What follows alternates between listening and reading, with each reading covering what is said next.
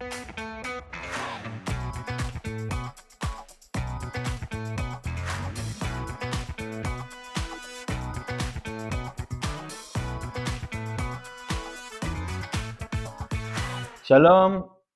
ברוכים הבאים לפודקאסט של דיבורי קהילה, Community הפודקאסט על אנשים וקהילה. בכל פרק נפגוש דמות מעוררת השראה שתספר לנו על עצמה, ולא פחות חשוב מכך, על עולם הקהילה. אני דניאל אופק, מנחה לבינוי קהילה בחברה למתנ"סים, ואיתי ענווה רצון, עובדת סוציאלית קהילתית, מומחית בפיתוח קהילתי וארגוני בסביבה משתנה. והיום אנחנו מארחים בפרק את סגן אלוף שרית שיף ואת סרן רנית אלקיים, שאנחנו מאוד מקווים שבקרוב היא כבר תהיה אה, רס"ן אה, ותקודם ותעלה בדרגות. אה, זהו, ברוכות הבאות, שלום לכם. תודה דניאל. אהלן. שלום. אה, אז אני אעשה לכם אה, אינטרו קצר למאזינים שלנו, לאלפי המאזינים שלנו. אז אה, סגן אלוף, שרית שיף, היא נשואה למשה ואימא לשלוש בנות, יועצת ארגונית ומומחית בכלי HR מתקדמים ושותפה למיזם מאיץ הקהילות בצה"ל. סרן רנית אלקיים, היא בת 30, מתגוררת בתל אביב, ולפני שנתיים היא חזרה לשירות בצה"ל על מנת לייסד ולהוביל את מדור קהילות. בתפקידיה הקודמים של רנית היא ניהלה את Act IL, שזו קהילה בינלאומית להשפעה על השיח מדינת ישראל ברשתות החברתיות, והייתה שותפה בניהול קהילה, הקהילה היהודית בסין, אני לא אנסה אפילו להגיד את השם של העיר, אה, וייסדה את טריפלוור, שזה מיזם בתחום האופנה והקיימות, שהוא הקדים את זמנו. אה, אז אה, עוד פעם, ברוכות הבאות, ואנחנו באמת היום שתי נשים מאוד מאוד מרשימות, וסתם לידע כללי, שרית, את יודעת כמה סגנות אלופים יש בצה"ל? אלופות או אלופים? לא? אוקיי, סתם, עניין אותי. ונתחיל עם השאלה הראשונה שלנו. אה, שרית, בגלל שאת המפקדת, אז זה יהיה מולך. אה, אם יש משהו שלא יודעים עלייך, בטוח שיש, אבל במה תרצי לשתף אותנו? יש, יש הרבה דברים שלא יודעים עליי, אה, אבל אני אשמח לשתף שאני מוזיקאית בין היתר, אני מנגנת בפסנתר מגיל שלוש, ואפילו למדתי ברימון. וואו. וואו. מעניין אם הפקודים שלך יודעים את זה עלייך, זה כאילו כזה, עכשיו כולם שומעים את זה וגילינו משהו על שרית שלא ידענו. אני ידעתי. או נראה לי שכן. אז אה, את תעשי רסיטל בצה"ל? ב live, אנחנו נעשה עכשיו בפודקאסט. הבאתי איתי את הקלידים. תראי, היה לנו את אה, חגי רזניק, שהוא הקריא לנו שיר, שיר מהספר שירים שהוא כתב. אז אם אתה נגדיל לנו איזה משהו, זה לא יהיה מנותק מדברים שקורים כאן. אין שום בעיה. אני מוכנה לשיר לכם. זה ממש בסוף, זה אנחנו נשמח. בקטע סוגר. משהו שלא יודעים עליי, איזה, קצת יודעים, חלק יודעים, אבל זה שהיום אני במוד כזה של לחבר אנשים ולשבור את המחיצות הארגוניות, ולשתף לשתף לשתף אבל במקור אני בכלל מחיל המודיעין ובסיבוב הקודם בגלגול הקודם שלי בצה"ל הייתי אפילו קצינת ביטחון מידע שזה מוד קצת הפוך אה, מהדבר הזה של מידור ורגע לשמור בפנים ול, ולא לשתף כל כך אה, ממקום ביטחוני אז ככה עברתי כזה מצד לצד אה, אבל אני עכשיו מנסה לשלב בין שני המודים האלה בעיסוק שלי. מקסים.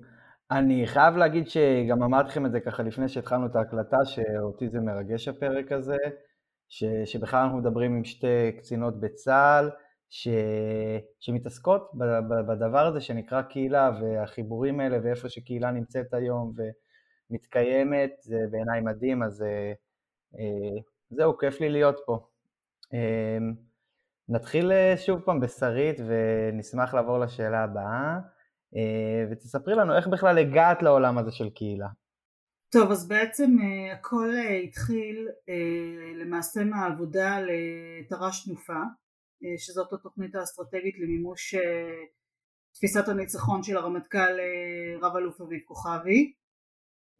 אני הייתי אז יועצת של אחד הפיקודים המרחביים והמפקד שלי, אלוף פיקוד מרכז, הוביל צוות שנקרא צוות תרבות ארגונית בתר"ש תנופה ובתוך הצוות הזה הזדמן לי להכיר את אחת הקצינות בצבא שלא נזכיר את שמה שמנהלת קהילה מאוד מאוד גדולה של נשות קבע. והמפגש הזה יצר התעניינות מאוד מאוד גדולה מצידי על הקהילה הזאת ובעצם הייתי נורא סקרנית להבין מה, מה הקסם של הקהילה, מה האימפקט של הקהילה. כל ההתארגנות הזאת הייתה נראית לי נורא נורא ייחודית ובעלת ערך מאוד מאוד גדול וזה היה נורא טבעי שבתר"ש תנופה שמדבר הרבה מאוד על חיבורים חוצי ארגון בין זרועות ובין אה, ממדי לחימה אה, אנחנו נרצה לשבור את הסילואים האלה גם בין אנשים ולחבר בין אנשים מכל קצוות הארגון. והדוגמה הזאת של הקהילה הזאת, קהילת הנשות הקבע אה, לימדה אותנו שזה אפשרי. אז זה היה המפגש הראשוני שלי בעצם עם האימפקט של קהילה פנים ארגונית. הקהילה הזאת שדיברתי עליה מקודם, כשאנחנו פגשנו אותם זה כבר היה כמה שנים אחרי הקמת הקהילה אה, והתמודדות עם הרבה מאוד אתגרים. אולי נדבר טיפה אחר כך על הסיפור של המפגש שבין מבנה צבאי לבין התארגנות קהילתית. אה, אבל כשאנחנו פגשנו את הקהילה היא כבר הייתה בשלב שהיא הייתה הרבה מעבר למיזם, היא הייתה כבר אה, ממש התארגנות קיימת, מוכחת, מבוססת, עם המון המון engagement וזה היה ממש דוגמה מוצלחת אה, ללמוד ממנה ולחקות אותה למעשה ומכאן כל הסיפור התגלגל, אה, בתוך הצוות הזה עסקנו גם ברעיון של אה, תקשורת פנים ארגונית, אנחנו הלכנו למקומות כאלה גם ויצרנו גם התארגנות שקשורה לתקשורת פנים ולמעשה יצרנו פה שתי, שתי, שני מוצרים אפשר לקרוא לזה, מוצר אחד זה תפיסה של תקשורת פנים והמוצר השני היה תפיסה רשתית לתקשורת פנים. אה, דרך אה, פיתוח של רעיון הקהילות בצה"ל אז משם זה התחיל למעשה. ורנית איך את נכנסת לתמונה? אז אה, אני מרגישה שאני בקהילות בכל חיי הבוגרים עוד לפני שקראו לזה קהילה מהעולם של העשייה החברתית אני בוגרת קו הזינוק והייתי בכל מיני התארגנויות כאלה חברתיות עוד כנערה אבל אני, הפעם הראשונה שממש חוויתי קהילה זה היה כשגרתי בסין הייתי, למדתי מנדרינית, סינית מנדרינית וגרתי שם לבד, די לבד.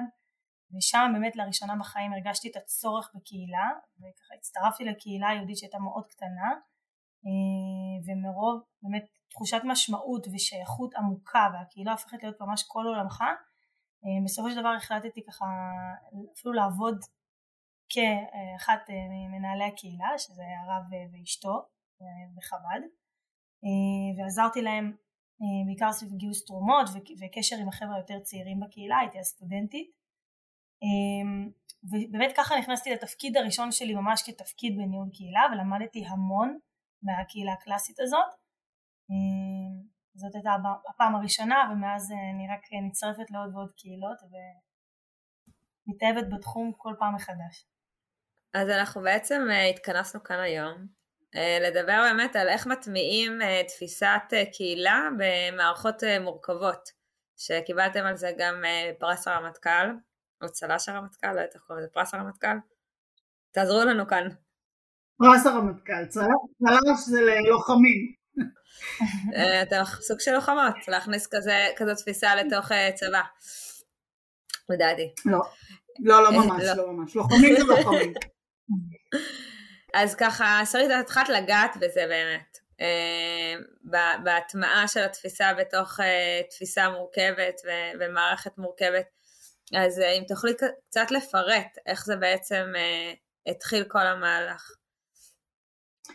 אה, אז הזכרתי את המפגש עם, אה, עם השותפה הראשונה למהלך הזה, מנהלת הקהילה הגדולה של נשות, ה, נשות הקבע. אה, בתוך ההתגלגלות של העבודה הזאת עבדנו ביחד עם רמת אכ"א בזמנו, היום הוא ראש אט"ל, האלוף מישל ינקו, בעצם תכננו להקים מסגרת שעוסקת גם בקהילות ובעצם רמת טקה דאז החליט שהוא מקים מדור קהילות כדי בעצם להגיע לכמה דברים, א' להגיע לקהלי היעד בתוך צה"ל ממקום קצת אחר ישיר יותר ומיידי יותר וחדשני יותר ואולי קצת פחות פורמלי.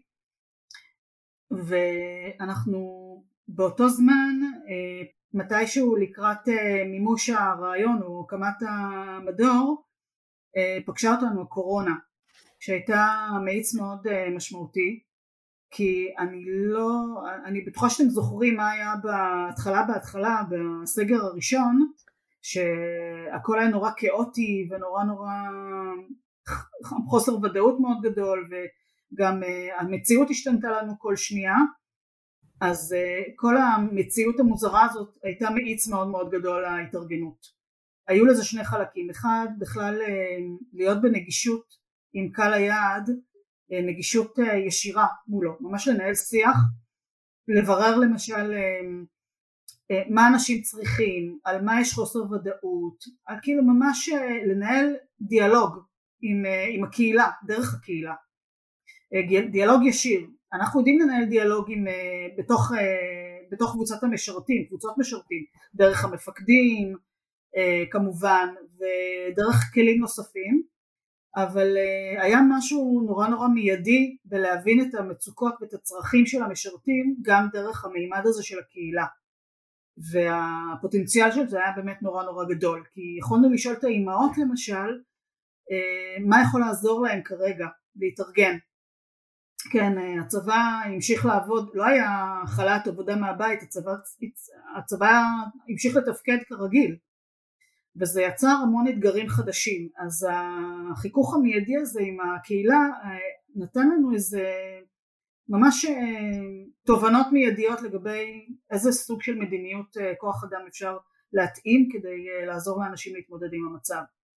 ובשלב השני של ההתארגנות חשבנו איך אנחנו רוצים להאיץ הקמה של קהילות נוספות בארגון וזה פגש לא רק את הצורך בדיאלוג זה פגש גם את הצורך ביצירה של מחוברות אה, אחרת של קהלי יעד אה, או של קהלים אה, או של משרתים מחוברות אחרת לארגון. איזה ערך הקהילה יודעת לתת גם, גם לצבא וגם למשרתים.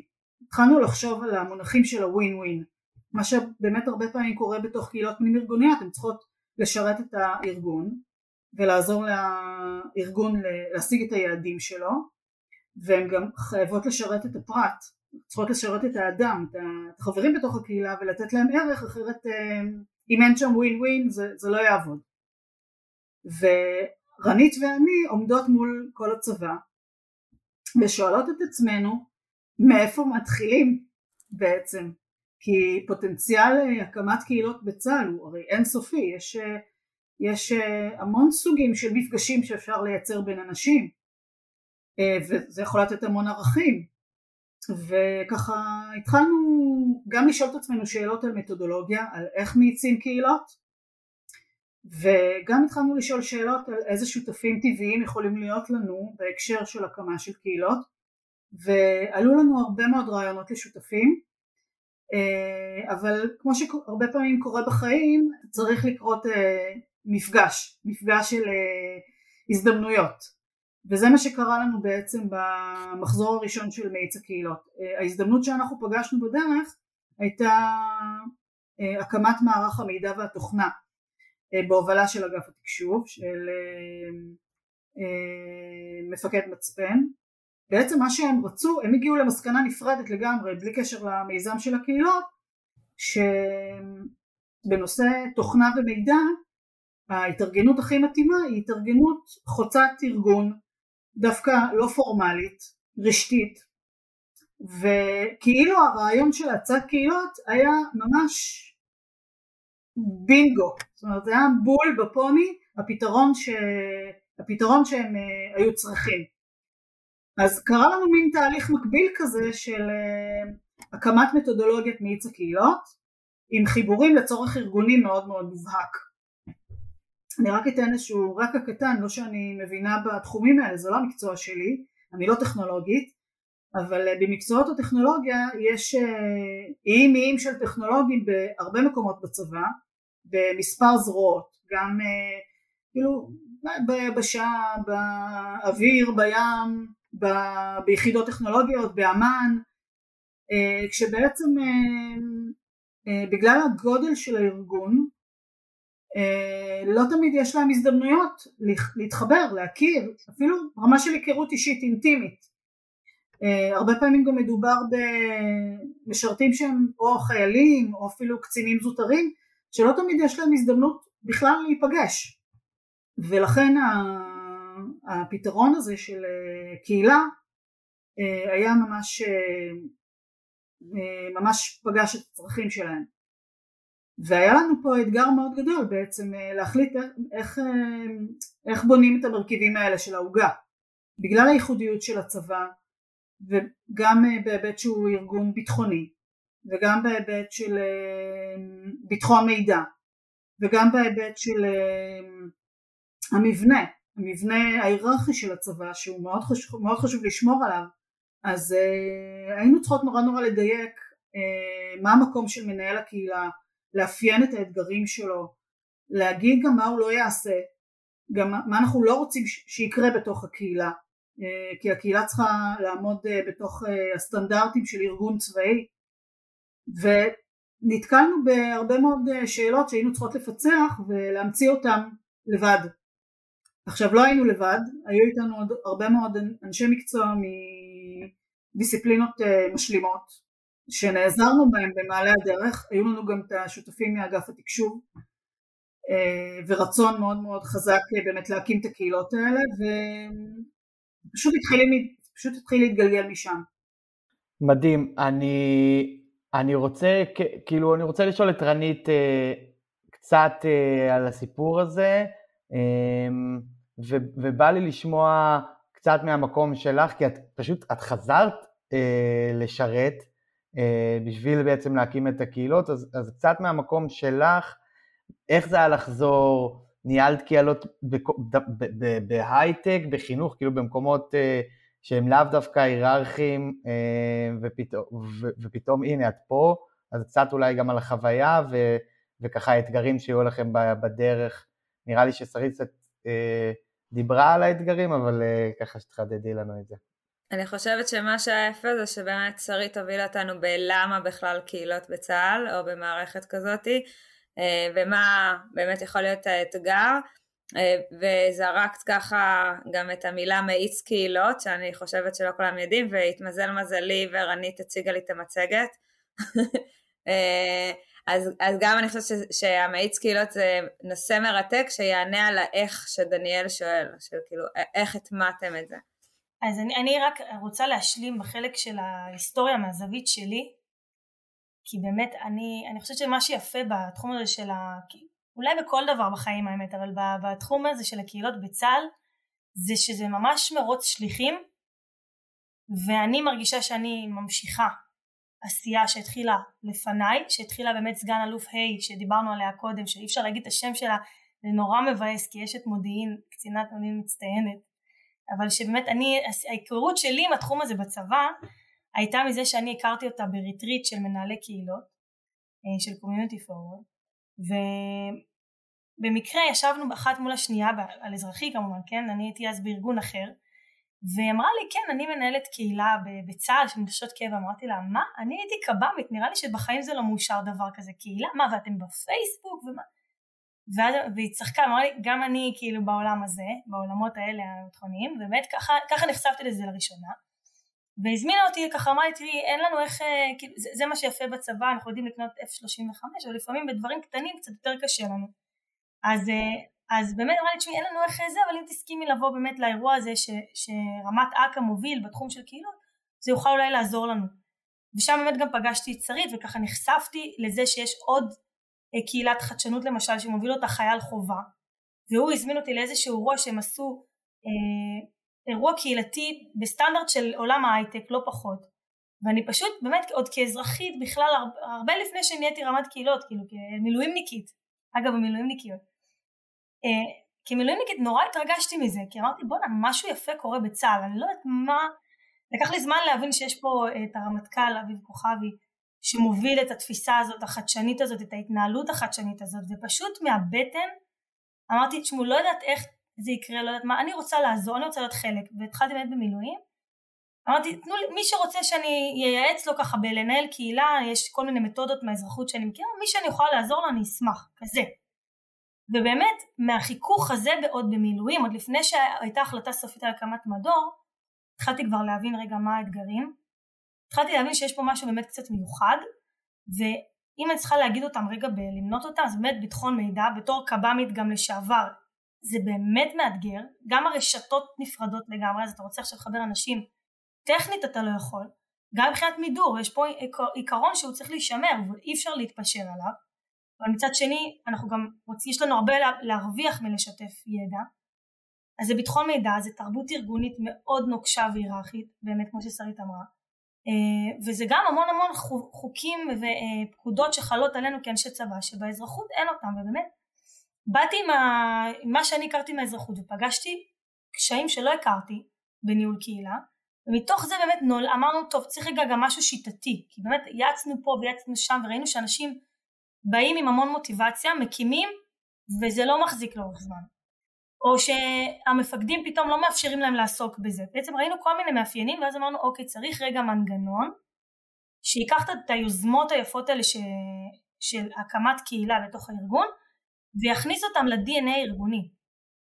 זאת אומרת, קודם כל הגדרנו מטרה, אמרנו יהיו קהילות שיקומו מעצמן, אנחנו בעד, אנחנו לא הולכים להיות רגולטור, אנחנו רוצים לתמוך ולהיות אנייבלר, שאנשים יקימו קהילות אבל יעשו את זה במסגרת החוקים של הצבא והנורמות האתיות של הצבא אה, ואיך אנחנו עכשיו עוזרים לכמה שיותר אנשים לעשות את זה. אז בעצם זה היה מה שהוביל אותם לייצר מנגנון בכלל. כשהחלום שלי אמרתי החלום שלי זה כמו שזה לא משנה מי הרמטכ"ל או מי מפקד מיטב גיוס לצה"ל יקרה ויש שרשרת חיול ויהיה טירונות הלוואי שיהיו גם קהילות שיהיו ככה שיהיו חזקות ויהיו חלק מהארגון ולא רק יוזמה של סגן אלוף ה' hey, או איזה חייל שככה באמת יש לו איזה המון יוזמה ותושייה. ואז באמת הקונספט בגדול הוא די פשוט הוא מאוד דומה לקונספט של יזמות אה, בכלל. איך, איך אתה מעודד יזמות? אתה נותן מעטפת חממש שכמה שיותר בעיות שאתה יכול לפתור ליזם אתה פותר לו. אז למשל איתור של אה, אנשים שמתאימים לניהול קהילה. והגדרנו ממש מה זה תפקיד של מנהל קהילה. יש אה, יועצים תעסוקתיים, אה, מומחים לפסיכולוגים תעסוקתיים במערך מדעי התנהגות, שישבו איתי ועזרו לי להגדיר תפקיד כמו שמגדירים תפקיד בצבא של אה, לוחם או מאזינה או כל תפקיד אחר, ממש להגדיר תפקיד ולהגדיר תיק מיון. ואם אנחנו צריכים לעשות אבחון ארגוני אז אני חלק, זכיתי להיות חלק ממערך מדעי התנהגות שזה מה שהם עושים.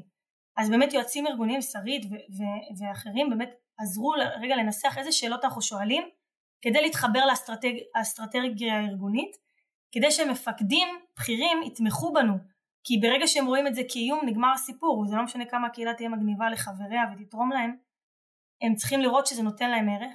אז באמת זה השני הרכיבים המרכזיים רגע להגדיר כאילו מה זה התפקיד של מנהל קהילה איך מחברים את המפקדים איך מתחברים למטרות הארגוניות אה, ובאמת הפתרון הוא באמת לעשות תהליך מיון למצוא את האנשים המתאימים לשדך אותם אחד לשני כי באמת אם יש מנהלת אה, מוצר שיר מנהלת מוצר מיחידת מצפן באגף התקשוב. היא לא מכירה את uh, סרן א', אסור לי להגיד את השם שלו, מיחידת 8200 שעושה את אותו תפקיד בדיוק, מקביל אליה, הם אפילו באותו גיל, ממש עם אותם אתגרים, הם לא מכירים, שניהם מנהלים סוג של קהילות כזה, התחלות של דברים יפים מאוד, ועכשיו צריך לחבר אותם, וגם מעליהם לחבר, זאת אומרת גם את המפקדים מעליהם, אז זה משהו שככה אנחנו בתור גוף כאילו ניטרלי, היה לנו יכולת לעשות, ובאמת חיברנו אותם, ואז בנינו איזשהו קורס ייעודי לצבא שנותן מענה לאתגרים הייחודיים בניהול קהילה בצה"ל. אני חייבת להודות שפה זו הזדמנות גם להודות באמת לאותם מייסדים, אבות מייסדים, סגן אלוף ה' והחייל הזה המגניב שהקים גם קהילת חדשנות, שבנדיבות רבה באו ולימדו מהניסיון שלהם, אז כבר לקחנו את הניסיון הקיים. גם אנשים מהאזרחות שידעו לבוא וללמד אה, ככה באמת אה, מהניסיון שלהם על ניהול קהילה, איך אפשר לייצר ערך לחברי הקהילה בכל מיני דרכים. וגם אה, בסלאם וביטחון מידע נרתמו, ופרקליטות, אה, יזהר יצחקי, רב סרן יזהר יצחקי מהפרקליטות, שזה באמת מקום להודות לו, שאמר מה הבעיה? בואו ננפה את כל החוקים שחלים עלינו ונלמד אותם את זה ובאמת לקחת את האתגרים וכאילו ל- ל- ללמד איך אנחנו פותרים אותם כמה שיותר מעשי ויישומי גם בקורס יסוד וגם אמרנו אוקיי אבל להקים קהילה זה לא משהו שלומדים בחמישה ימים. את רוב הקשיים אנחנו נפגוש תוך כדי תנועה ולכן רוב העיסוק שלנו והליווי שלנו אותם הוא דווקא לאורך השנה כשפעם בחודש או חודשיים אנחנו נפגשים ליום שלם ובעצם יש לנו קהילה של מנהלי קהילות ואנחנו כל פעם גם לוקחים איזשהו נושא חדש ומעמיקים בו למשל אה, למדנו את המתודה של אה, אירוע בונה קהילה שאני מניחה שדניאל מכיר אה, מהעולם של המדפסים וכל פעם נושא אחר וככה גם צוללים אליו אבל גם מנהלים איזשהו שיח בינינו כדי לראות איך אנחנו פותרים את הבעיות שכולנו כמנהלי קהילה בצה"ל נתקלים בהן אז בעצם היה לנו איזשהו modeling כזה שגם אנחנו חלק מקהילה ואז אנחנו גם בונים קהילות אה, אחרות אה, אז זה ככה המודל אני אה, מקווה שזה ענה על השאלה. יש, יש לי איזו שאלה ספציפית, אולי שרית תגיד על זה. אתם, אתם נמצאים בכל קהילה כזאת? בסדר, אני, אני מכיר במשרד החינוך את הקהילות, ואחד הדברים המרכזיים שהיה שם, האם הם נמצאים בק, בכל קהילה או לא, שם הם הכריעו שלא, והם פשוט נתנו למובילי הקהילות ושחררו להם. אמ, אז סתם בא לי לשמוע על זה. כן, שאלה טובה יופי. זה, היה שווה, אפשר לסגור את הפודקאסט, אם יש לי שאלה טובה, מבחינתנו זה... אז אומרים, אנחנו שם, האם המפקדים שם? זאת המפקדים שתמכו ביוזמה הזאת, מפקדי היחידות הטכנולוגיות, בתי התוכנה, תמכו בזה. ואנחנו באנו ואמרנו להם, חבר'ה, אבל רגע, יש לנו כוכבית קטנה. זה יכול לתת לכם המון ערך. אבל, שני חוקים שאני, אני כבן אדם, לא, כמנהלת קהילה, ברמה האתית-מקצועית, לא מוכנה שנעבור עליהם. אחד, לא מכריחים אנשים להיות בקהילה. זאת אומרת אתם לא מורידים פקודה ומכריחים אנשים עכשיו להיות בקהילה ולהיות פעילים בה כי גם זה קרה אז זה רגע היה איזשהו אישור קו ממש בסיסי וגם קחו בחשבון שיכול להיות שמנהלי קהילות יחליטו שאתם לא שם כי אנחנו רוצים לשמור על זה מאוד מאוד אינטימי ושיח אינטימי ותחושת ביטחון אנחנו לא בהכרח ניצור עם המפקד שלנו הגנרל הגדול נמצא שם גם אם אנחנו מאוד מעריכים אותו ולכן המפקדים לא שם באופן כללי וואו. יש וואו. ממש הקפדה על אה, כאילו הכלל הוא קודם כל התחושת ביטחון שלנו והיכולת לייצר את השיח בעקבות זה ורק אחר כך הפוליטיקה מנסים, מנסים, אנחנו מנסים לפרוץ להם את המחסומים האלה כי לפעמים להם לא נעים להגיד את זה למפקדים שלהם אז לנו יותר קל ככאילו גוף מלווה לעשות את זה. אז שרית לפני אז לפני ש... שאת עונה אני רוצה שאם את תוכלי לתשובה שלך גם להוסיף כי רנית סיפרה לנו פרקטית אוקיי אז איך בניתם את המאיץ איך עושים את זה ומאוד הייתי שמחה אם תנסי לקחת את זה שנייה ו- ולהסביר לנו איך את כ- כמפקדת, כסגן אלוף, הצלחת להטמיע דבר כזה שהוא כל כך כל כך אה, עולם אה, מחוץ לצבא אפשר אפילו להגיד, בתוך מערכת כל כך כל כך מורכבת, כי אנחנו, כי אנחנו בטוחים שעם הקורונה וכל ההזדמנויות, ו... זה לא היה פשוט אה, לשנות שפה, כי זה לשנות שפה בעצם לדבר בשפת קהילה. אז אני רוצה קודם כל רגע להמשיך את התשובה של רנית ואז אני את השאלה שלך. אה, אני רוצה להגיד שבאופן כללי התפיסה של מאיץ הקהילות ורנית אמרה שאנחנו באנו לזה מתפיסה של אנייבלר דרך אגב זאת הייתה ממש החלטה כי יכולנו להגיד שאנחנו רגולטור של קהילות בצבא בעיקר בגלל שהתחילו להתפתח קהילות מלמטה למעלה ואנחנו החלטנו שאנחנו אנחנו כן רוצות לייצר מדיניות צה"לית לקהילות של מה מותר ומה אסור מבחינה משפטית, מבחינת ביטחון מידע וכן הלאה, אבל התפיסה העיקרית שלנו היא כאנייבלר והמדיניות ששמנו היא בעצם גם סוג של know-how שאנחנו נותנים למנהלי הקהילות כדי לגדר שנייה את איך עושים קהילה בצבא, כאילו איך הגדר הזאת שומרת עלינו מפני אה, ככה ללכת לאיבוד. אמ, והתפיסה היא באמת לתת את החכות למנהלי הקהילות ולבנות להם את מודל המנהיגות ומודל ההובלה של הקהילה. אה, ככה שהמנהיגות שלהם בעצם אה, גם מצד אחד שומרת על הרכיב ההשתתפותי הוולונטרי של אנשי הקהילה ומצד שני שומרת על הקהילה בתוך גבולות האסטרטגיה של בעצם מה היא אמורה לשרת. כן זה ככה לשמור על האיזון בין השניים. עכשיו לגבי הקמת קהילות בצבא אני חייבת להגיד שאולי הצבא מבחוץ נראה כמו ארגון כזה אולי כבד ושמרני ומאוד היררכי וככה ונוקשה. אבל אני מזכירה לכולנו שצה"ל זה ארגון של צעירים.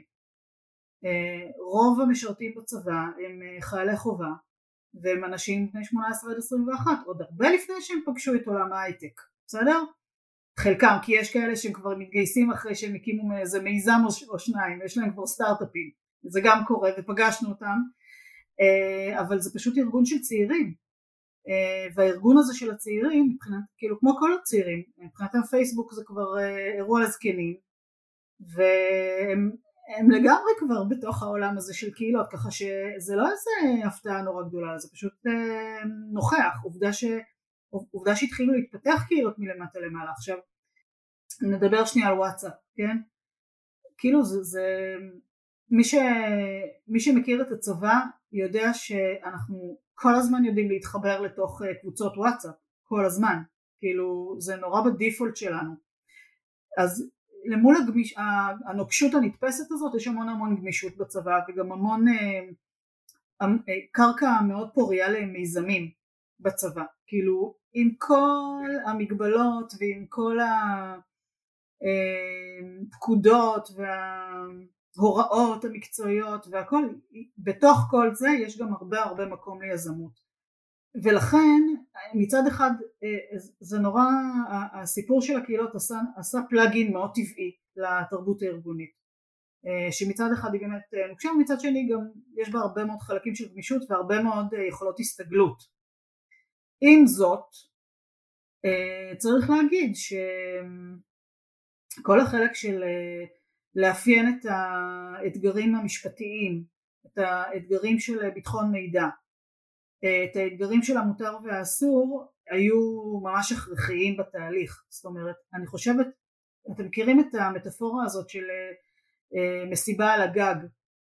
מסיבה על הגג. אם יש גדר אנשים רוקדים. אם אין גדר אנשים מפחדים ליפול אז זה בדיוק המטאפורה שאני רוצה להשתמש בה כי המדיניות שרנית כתבה בעצם עם כל השותפים שהיא הזכירה מקודם אה, היא זאת שבעצם אפשרה אה, להכניס את אה, הקהילות לתוך התרבות הארגונית הצבאית והמגבלות שלה. אז אם אני צריכה כאילו לקחת את מה שאת אומרת שנייה ולשים את זה אין מה לעשות בבולטים אז בעצם כדי להטמיע כזה דבר שונה, אין, אין מה לעשות, גם אם הצבא הוא של צעירים, זה, זה שינוי ארגוני ש, ש, נכון. שבעצם הכנסתם לצבא, ו, וזה בסדר לתת לכם את הקרדיט הזה. אה, אז זה בעצם דבר ראשון לדאוג לאיזושהי שפה שתהיה מקובלת על כולם, בכל רמות ההיררכיה, שיהיה אפשר להטמיע אותה. אה, זה דבר ראשון שאמרת, ודבר שני זה אה, שותפות כל הזמן רב-מימדית מצד אחד, אבל כן אה, תחומה, אה, עם הרבה גבולות בתוכו, שמצד אחד המפקדים לא יכולו להיכנס, אבל הם כן יהיו שותפים ו- וידעו אה, מה קורה. ובעצם אה, אני חושבת שעצם זה שסקרתם את, ה, אה, את הקשיים או את האתגרים שהיו לפני, יכולתם אה, גם למצוא את ההזדמנויות, כמו הקבוצות וואטסאפ וחיבורים שגם ככה מתקיימים, אז איך אנחנו בעצם לוקחים את הדבר הזה ומכניסים אותו לתוך קהילה, אז גם לבדוק בעצם מה כן קיים אצלנו, כדי לראות איך אנחנו ממנפים את זה, ולהגיד זה כבר קורה, כאילו בואו פשוט ניקח את זה למקום אחד יותר גבוה, אז ככה, לא יודעת אם סידרתי את מה ש... אני רוצה להוסיף עוד משהו מאוד מאוד חשוב שחייבים להדגיש אותו, זה הקצין הבכיר שדיברנו עליו מקודם, אה, אלוף אה, מישל ינקו, ש... הוא היה הספונסר של הדבר הזה, הוא, אה, הוא דחף את זה, הוא שם את המשאבים, הוא, אם לא הוא היה אומר חברים אני חולם את החלום הזה ואני רץ עם הדבר הזה ונותן את המשאבים זה לא היה קורה. בעצם למצוא משוגעים לדבר בתוך הארגון המורכב שרוצים לייצר בו את השינוי ושהם גם יכולים להוביל שינוי אה, מדיניות או, או את השינוי הארגוני. נכון ובמקרה המפקד הזה היה פשוט נמצא אה, הוא היה בצומת אה, והוא עדיין בצומת אה, מאוד מאוד מרכזית בתוך הארגון. אז היה לו את, ה, סמכות וגם את חופש הפעולה לקחת את הדבר הזה שהוא האמין בו ולדחוף אותו קדימה. והחשיבה שלו היא באמת מאוד חדשנית. אין מה לדבר כאילו צריך פה מישהו שבאמת יודע לחלום קדימה. עוד משהו בהקשר הזה רק, רק להשלים, שאני חושבת שיש מונח בצבא שמאוד, כולם מכירים אותו אני חושבת, שנקרא רוח המפקד. רוח המפקד, שלפעמים אפילו לא משהו שהוא אומר בצורה מפורשת, אלא הרוח שלו, ואני חושבת שאני הצטרפתי לצבא, אני מתישהו פשוט לקחתי, ראיתי, מה, מה זה מצפן הרמטכ"ל, מה זה הדבר הזה? גיליתי את המסמכים שבהם בעצם הרמטכ"ל אביב כוכבי ככה שוטח את משנתו ומסביר את התוכנית שלו, זה אפילו לא, חלק, רוב הדברים לא מסווגים, אלא פשוט מסביר את ההיגיון. ובהיגיון זה מאוד אה, אינטואיטיבי לאנשים להבין את זה, כי אנחנו חלק, כולנו חיים בעולם הזה, כאילו גם כשאנחנו בצבא, אנחנו בסוף חיים גם בקהילות בחיים הפרטיים שלנו, וגם בדיגיטל היום יש המון קהילות, והגל הזה, הוא, אנחנו רואים, חווים אותו כבני אדם גם בצבא. זאת אומרת, אז, אז אני חושבת שזה לא היה, יש כאילו שני, שני צירים מקבילים, יש את הציר של לעשות שינוי בשטח, לבנות את הקהילה ממש, שיהיה, שאנשים ייפגשו, שתיפתח הקבוצה, שמנהל ידע לנהל אותה ויוביל אותה, אבל יש גם את הציר הזה של השינוי התודעתי, תפיסתי, ואני חושבת שפה זה לא רק אנחנו, ו- ואני באמת אומרת את זה, זה אפילו התחיל לפניי, בטוח, אה, סגן אלוף A ואורי אה, ושרית והדס מינקה ראש מנדה והרבה אחרים שאני אפילו לא, אין מספיק זמן למנות את השמות של כולם אז זה כמו זרעים כאלה שנשתלו בכל מיני מקומות בארגון ו- וזה צומח במקביל אז פה זה, זה באמת רוח כזאת שגם אנשים נרתמים לחזון ממש אני חושבת שזה ואז האיך הוא הרבה יותר קל כאילו כי, כי אפשר להתנסות עם זה ולנסות בכל מיני דרכים. וגם אני חושבת שזה ממש כמו מיזם שיש אה, משקיעים שאתה תבוא לגייס כמו הכרישים כזה ויגיד לך מי צריך את זה? שומע, גם את זה אני שומעת עד היום. אפילו שזה כאילו כבר נחשב מצליח וקיבלנו את פרס הרמטכ"ל ואני אומרת את זה כי לא כדי להרים לנו, כדי להגיד חבר'ה רוח המפקד איתנו, אתם צריכים להתחבר כאילו, ויש עדיין קולות כאלה בארגון, וזה גם חלק מהעניין זה באמת למצוא את המשקיעים או את הספונסרים, את האנשים שמאמינים בזה, המפקדים, וכשהם נרתמים לזה אז גם להרבה אנשים מלמטה קל להצטרף וכאילו להשקיע בזה את הזמן שלהם או את האנרגיה שלהם. אז נראה לי שזה כאילו הדברים, גם באמת ספונסרים, לא צריך את כולם, מספיק שיש כאילו איזושהי מסה קריטית ו... כאילו אנשים רוצים להצטרף לזה. אני חושבת ששווה, להגיד מילה גם על האימפקט של, ה, של המאיץ ובעצם אה, איזה סוג של ערכים אנחנו רואים, ערכים חדשים שאנחנו מזהים דרך הקהילות החדשות שהוקמו בעקבות המאיץ, הקהילות הטכנולוגיות, אז אולי שווה שרני טיפה תספר לנו על זה, אם זה מתאים לכם. אני אספר על מה, מה קרה, מה קורה בפועל. אז uh, באמת יש לנו מתוך תשע קהילות שניסינו להקים שמונה פועלות קמו. uh, רובן עשו כבר uh, אפילו מפגשים פרונטליים כזה פנים אל פנים עם רוב חברי הקהילה. בדיגיטל בעיקר בוואטסאפ בפייסבוק עוד קצת לוקח לנו זמן זה קבוצות סגורות וקצת קשה לנו טכנית אין לנו פלטפורמה פנים ארגונית. זה אחד הקשיים המרכזיים שלנו.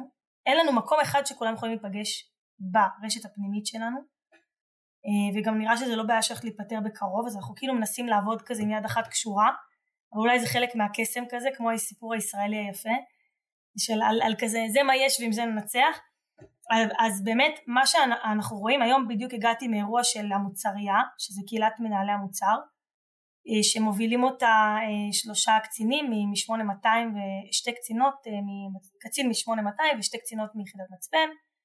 ממש היום הגעתי לא מזמן מהאירוע אה, התארחנו אצל אחת החברות הייטק הגדולות, אצל אה, מייקרוסופט, ובאמת מאוד מאוד מרגש לראות שדווקא החבר'ה, רוב החבר'ה צעירים, באמת כמו ששרית אמרה, הממוצע שם היה, אני בת 30, הממוצע היה 22, הרגשתי מאוד אה, קשישה, רוב המנהלי מוצר באמת מאוד צעירים, וכאילו כשאנחנו מדברים על המחיצות הארגוניות ואנחנו חושבים על הפוליטיקה הארגונית ועל הגנרלים שכל אחד יש לו באמת את הדירקטיבה שלו ואת הטריטוריה שלו וזה מאוד ברור הגבולות היה מדהים לראות איך הם ברמתם. רק, רק משתפים ורק מחכים, הם, החלק, הם גם כתבו, כבר קיבלנו את התוצאות של כזה הפידבק שלהם על האירוע והם אמרו ההרצאות שהיו מעניינות אבל החלק הכי משמעותי היה מעגלי שיח, אנחנו רוצים עוד, לא היה לנו כזה אף פעם, אנחנו רוצים שתבואו אלינו ליחידה, כבר חלק מהאנשים הזמינו אל, אליהם את החברים שהם הכירו באותו יום. וככה אנחנו מאוד אוהבים דאטה, זה אנשים של 8200 ומצפן, וזה אנשים של מספרים. אז זה ממש עושה שאלה כמה אנשים חדשים הכרת היום ודיברת, כאילו יצרת איתם איזשהו קשר חברי, הממוצע כרגע עומד על 4-5.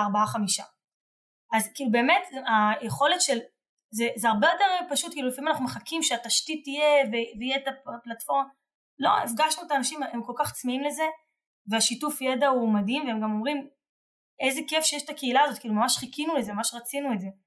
אז זה באמת הפידבקים שאנחנו ככה מקבלים ברמה האיכותנית והכמותנית, אמ, וגם הם עושים ביחד קורסים משותפים, שזה משהו שלא היה קודם, בעצם הם מובילים, כאילו גם את התחום המקצועי, ממש בהכשרה המקצועית הם בונים הכשרות מקצועיות משותפות, זה משהו שזה לא היה פעם.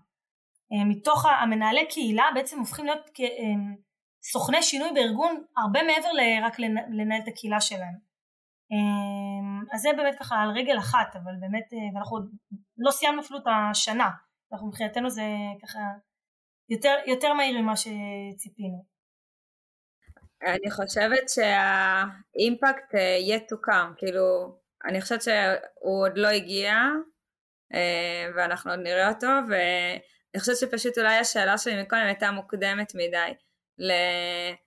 על המערכות המורכבות, כי אני חושבת שעוד לא מרגישים את זה כל כך, אה, כדי שייווצר השיח הזה, בדיסוננס הזה אולי בין למעלה למטה, כי זה מתחיל לקרות מלמטה, אני חושבת, הרבה מהשינויים לפי מה שאת מתארת כרגע.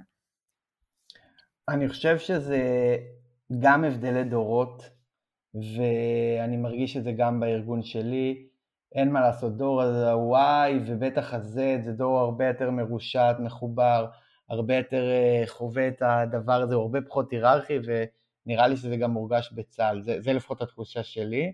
אני חייב להגיד, כאילו, ממה שאמרת רנית, שזה... אה, שאת מתארת חוויה שהיא לא רק בצה"ל, שבעצם הרבה פעמים אה, מה שאנשים רוצים בהכשרה, בכנס, בכלל בעבודה או בחיים שלהם זה להיפגש. והרבה פעמים אנחנו עושים כנסים ומביאים את המרצים הכי טובים וכאלה, ובסוף מה שהם אומרים שהחלק הכי טוב זה היה בקפה או בבין לבין, ואני חושב שקהילות, זה, זה בסוף מה שהן עושות, הן מאפשרות את החיבורים האלה בין האנשים, ו, ואנשים מחפשים את זה, וזה, וזה מחזיר אותי, אותי לחוויה שלך בסין. זאת אומרת שאתה גם בתוך עולם העבודה, בטח היום במציאות שלנו, ובטח בקורונה או כל דבר כזה, אנחנו מרגישים בדידות, ובדידות זה לא חייב, או לבד, לבד או בדידות לא חייבים להיות רק בהיבט של אה, אני עכשיו אין לי חברים או אין לי משפחה, ואתה אפילו יכול להיות בזוגיות, אבל יכול להיות שאתה מרגיש לבד בתפקיד שלך, כי אתה אחד בתוך יחידה שאף אחד לא בכלל מבין את השפה שלך או מה שאתה עושה. והיכולת לייצר לך את, ה, את העוד אנשים האלה ו, וזה שאתה מרגיש שאתה אתה חלק ממשהו גדול יותר, זה, זה נראה לי הכוח של הקהילות שלכם, אז אה, זה היה לי כיף לשמוע. הצבא זה מאוד דרמטי לפעמים, כי באמת הסט, אני חושבת שגם עצם זה שיש לך setting שהוא בכלל אומר לך בוא נדבר, כי כאילו הרבה פעמים בצבא פשוט אף אחד לא שואל אותך שום דבר, כשאתה חייל נגיד, או קצין צעיר, אתה פשוט מקבל המון פקודות, ואתה כאילו הדעה שלך בהרבה מקומות, יש מקומות שזה קצת שונה, אבל לא מעניין את אף אחד, ופתאום כשאומר לך בוא דבר תפרוק זה המקום מקום בטוח setting כזה מאוד ששומר על האנשים ואני חושבת שבאמת זה בשבילי זה גם ברמה האישית אפילו זה, מאוד, זה, זה מה שכיף לי. אני נהנית לשמוע פתאום את החיילים מדברים ומש, ומשתפים. בעיקר ככל שהם יותר צעירים הם הרבה יותר מעריכים את זה. אני חושבת שהקצינים בדרגה שלי כבר יש להם קצת יותר מקום לבטא את עצמם. רמ"דים רבי סרנים סרנים. בטח סא"לים, אבל כשאתה חייל צעיר או קצין צעיר, זה, אתה יכול להרגיש הבורג הכי קטן במערכת הכי ענקית בעולם, וכאילו עצם זה שיש להם את המרחב הזה, זה באמת נותן להם מקום לבטא את עצמם, וזה, כאילו אני חושבת שזה מה שמושך אותם לקחת חלק בזה, מעבר לזה שהם מקבלים ידע מקצועי, וגם אם זה במייקרוסופט הם מקבלים איזה מחברת מגניבה ואיזה מדבקה יפה, אבל זה לא באמת מה שמושך אותם, הרבה יותר עמוקים מזה, ממה שנראה, כאילו, ורוצים את זה, את החיבור הזה. אני ממש מסכימה. אה, אז הגענו לפרק, הגענו ממש ממש לסיום הפרק, אה, ואנחנו בשאלה האחרונה והאהובה עלינו. אה, ואיפה אתן רואות את עולם הקהילה עוד עשר שנים? זה יכול להיות בצה"ל וזה יכול להיות גם בכללי, אבל לאן נראה לכם שהוא הולך? אני רוצה לענות דרך החוויה האישית שלי מקהילות כ... כפרט. כאדם. אמ, תראי, אה, הסיפור של אה, קהילות, הרי הקהילה משקפת לנו רכיב מסוים בזהות שלנו, ולכאורה זה אינסופי. אה, אני חושבת שאנחנו נורא, אני לפחות רואה את עצמי, אני נורא מתלהבת מקהילות, זה ממש כמו צעצוע חדש בשבילי, ואני חושבת שלכל קהילה יש איזושהי פונקציה נורא נורא מסוימת בחיים שלנו ורמת ההשתתפות בקהילה היא גם נורא נורא נורא משתנה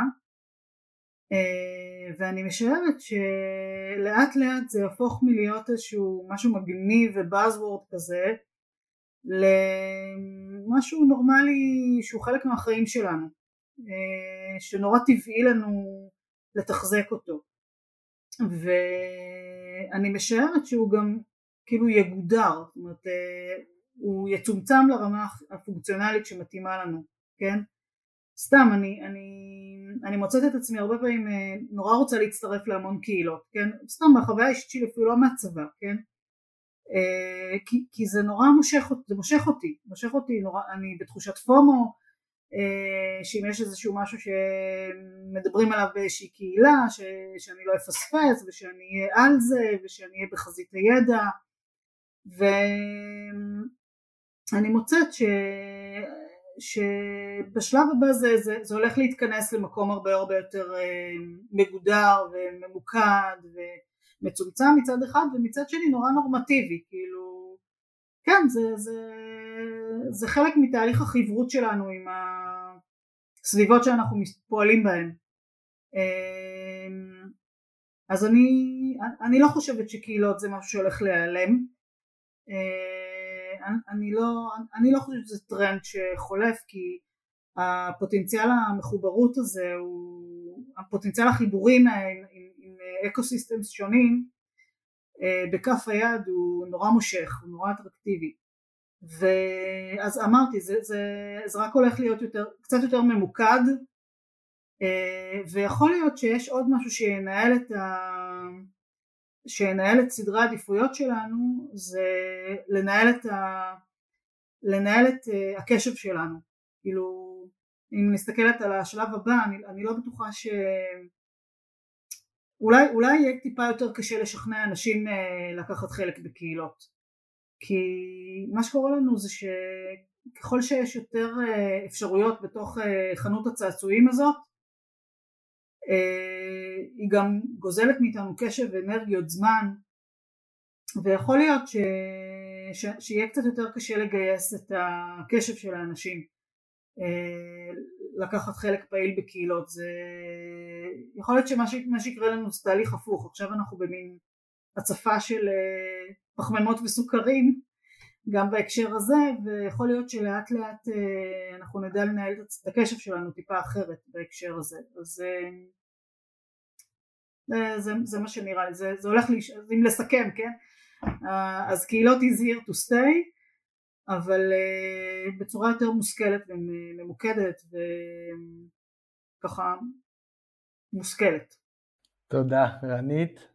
אז אני, אני, אני רוצה, אני חושבת שבצה"ל, אני מקווה, יכול להיות שהדבר הזה שנקרא מדור קהילות יעבור כל מיני גלגולים, אולי כן יהיה כזה את הפונקציה, אולי תראה קצת אחרת, אולי יקראו לה בשם אחר, אני חושבת שאין לי ספק שזה יהיה מקצוע בצבא, יהיו גם מילואימניקים כמו, ש, כמו, שאת, כמו שענווה עושה באמת במילואים שיבואו ויתחזקו את זה, זה יהיה חלק מההתנהלות הארגונית, אני בטוחה, אני חושבת שיכול להיות שזה יעבור עוד כל מיני גלגולים כמו אבולוציה כזאת, זה, זה יהיה מאיץ קהילות 2.0 מישהו יעשה אחריי.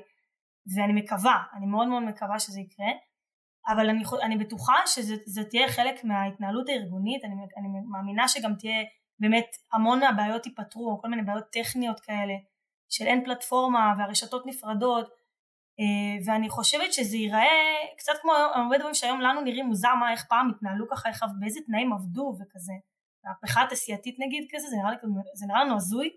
אז אני ממש חושבת שזה מה שיקרה בעתיד ושכאילו המבנה ההיררכי הזה של אתה לא יכול לדבר עם המפקד שלך אלא אם זה ותקבע פגישה ותשים בתיבת דואר איזה איזה פתק של פניית, פניות למפקד שאף אחד לא פותח אף פעם, זה, אני חושבת שהעידן הזה עבר.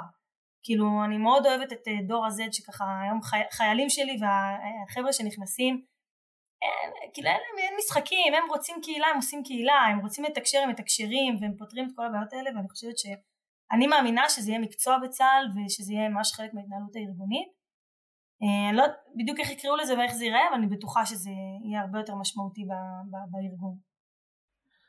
תודה רבה. אה, טוב, הגענו לסיום, זה בהחלט אה, הפרק הכי ארוך שלנו, אבל היה שווה את זה.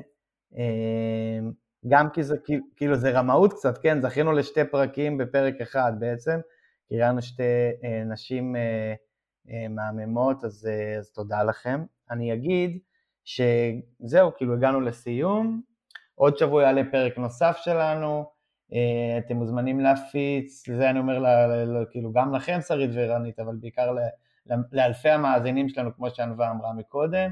מוזמנים להפיץ אה, את הפודקאסט, לכתוב לנו מה בא לכם לשמוע, את מי אתם רוצים שנראיין. בקיצור, תרגישו חופשי להציק לנו. יש לנו גם ערוץ, טלגרם, אפרופו דור ה-Z, שכנראה שם רק אה, דור ה-Z כי זה טלגרם וזה לא פייסבוק או לא יודע מה שדור ה-Y נמצא בו, שנקרא דיבורי קהילה. כמובן נצרף לכם קישור גם בתיאור של הפרק וכדומה. יש יוטיוב, שאנחנו מבינים שלא הרבה נכנסים אליו, אז, אז תתחילו, זה, זה מגניב הקטע הזה, שיוטיוב זה חדש בעולם, אף אחד לא לגמרי עדיין אה, מבין כמה זה משמעותי, לכו לשם, זה כאילו, שם המון פרסומות. אה, ביוטיוב יש לנו מאות מאזינים, דניאל, 303 ליתר, ושלושה ליתר דיוק. שלושה מאזינים דרך היוטיוב, אנחנו נשמח שזה יהיה לפחות חמישה, כי אז אה, החל ממשהו כמו מיליון הבנו שמקבלים תמלוגים, אז אנחנו בדרך הנכונה. דברו איתנו. ביי ביי.